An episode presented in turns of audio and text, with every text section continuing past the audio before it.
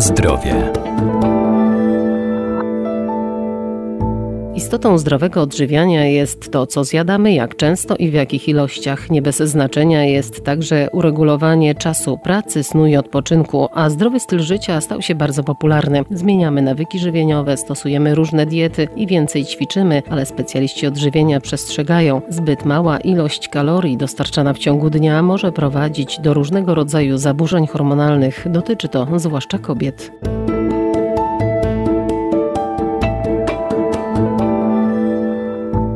Dieta to nasz styl życia, to co na co dzień spożywamy, jednak zależy ona od naszych predyspozycji czy dolegliwości, dlatego powinna być dobrze zbilansowana, zróżnicowana, a także dobrana do indywidualnych potrzeb. Zdrowy styl życia jest oczywiście bardzo popularny, natomiast trzeba uważać, żeby e, no, nie przekroczyć pewnej granicy, jeśli chodzi o ilość treningów czy ilość spożywanego pożywienia i mam tu na myśli głównie zbyt niską e, podaż kalorii w ciągu dnia. Dietetyk Maciej Pokarowski, Uniwersytet Medyczny w Lublinie. Niestety dosyć często jest to widoczne u kobiet, co może niestety powodować w przypadku zbyt niskiej ilości energii w ciągu dnia, do tego, że dana kobieta będzie miała zbyt niski poziom tkanki tłuszczowej i może dojść wtedy do zaburzeń hormonalnych. Także bardzo należy uważać na takie zjawiska. No i zbyt mała podaż energii, zbyt mała ilość kalorii dostarczonych w ciągu dnia e, może powodować zaburzenia pracy naszego układu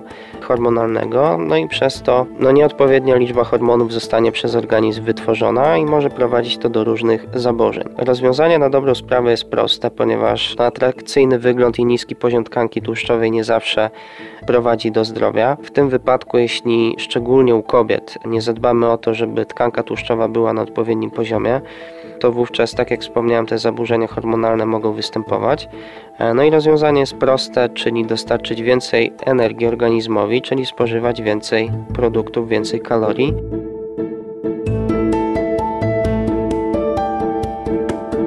Na zdrowie. Warto też kontrolować swój organizm. Istotne jest odpowiednie odżywianie w ciągu dnia, a także regularność posiłków. Tak samo pod kątem treningu i aktywności. Jeśli zmniejszymy aktywność, to wówczas zmniejszy się ten wydatek energetyczny, no i w jakiś sposób ocalimy tą tkankę tłuszczową przed redukcją. Jest to tak zwany, często można się pojawić i spotkać z tym meniach, problem fit modelek, czyli e, kobiet, którym szczególnie zależy na tym, żeby miały niski poziom tkanki tłuszczowej. Natomiast, e, tak jak wspomniałem, może to być wręcz niebezpieczne dla zdrowia. Pod kątem tego, żeby dostarczać więcej energii, trzeba się zastanowić nad tym, jak można to zrobić. No i żeby jeść więcej, no to warto wprowadzić do swojej diety szejki, koktajle, tak naprawdę również desery czy przekąski, bo wiadomo, że owoce w takiej formie bardziej skoncentrowanej z dodatkiem białka, czy to jogurtu naturalnego, czy po prostu nawet odżywki białkowej, wówczas jesteśmy w stanie sobie dostarczyć większą liczbę kalorii. Oczywistym jest, że to samo w przypadku przekąsek. Tutaj nie powinny się te osoby obawiać w momencie, kiedy doszły do takiego momentu, że masa ciała jest zbyt niska i zaburzenia hormonalne występują. Wówczas można się zdecydować na taką dietę bardziej cukrową, bym powiedział, czyli z większą zawartością węglowodanów po to, żeby dostarczyć odpowiednią ilość kalorii i organizm miał możliwość regeneracji. E, warto dbać również o regularność posiłków, czyli spożywać odpowiednią ilość posiłków w ciągu dnia, czyli tak od 4 do 5 po to, żeby dostarczyć odpowiednią ilość kalorii.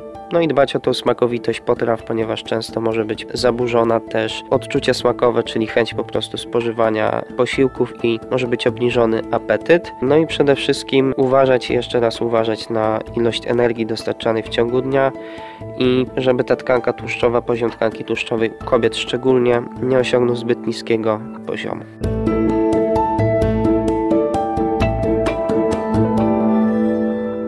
Pamiętajmy też, że zdrowa dieta to nie tylko odpowiednie nawyki żywieniowe, ale także codzienny ruch i aktywność fizyczna, a jeżeli zdecydujemy się na zmianę stylu życia i wprowadzenie nowych modeli żywieniowych, czy myślimy o odchudzaniu, to warto zawsze takie decyzje najpierw skonsultować z dietetykiem bądź lekarzem.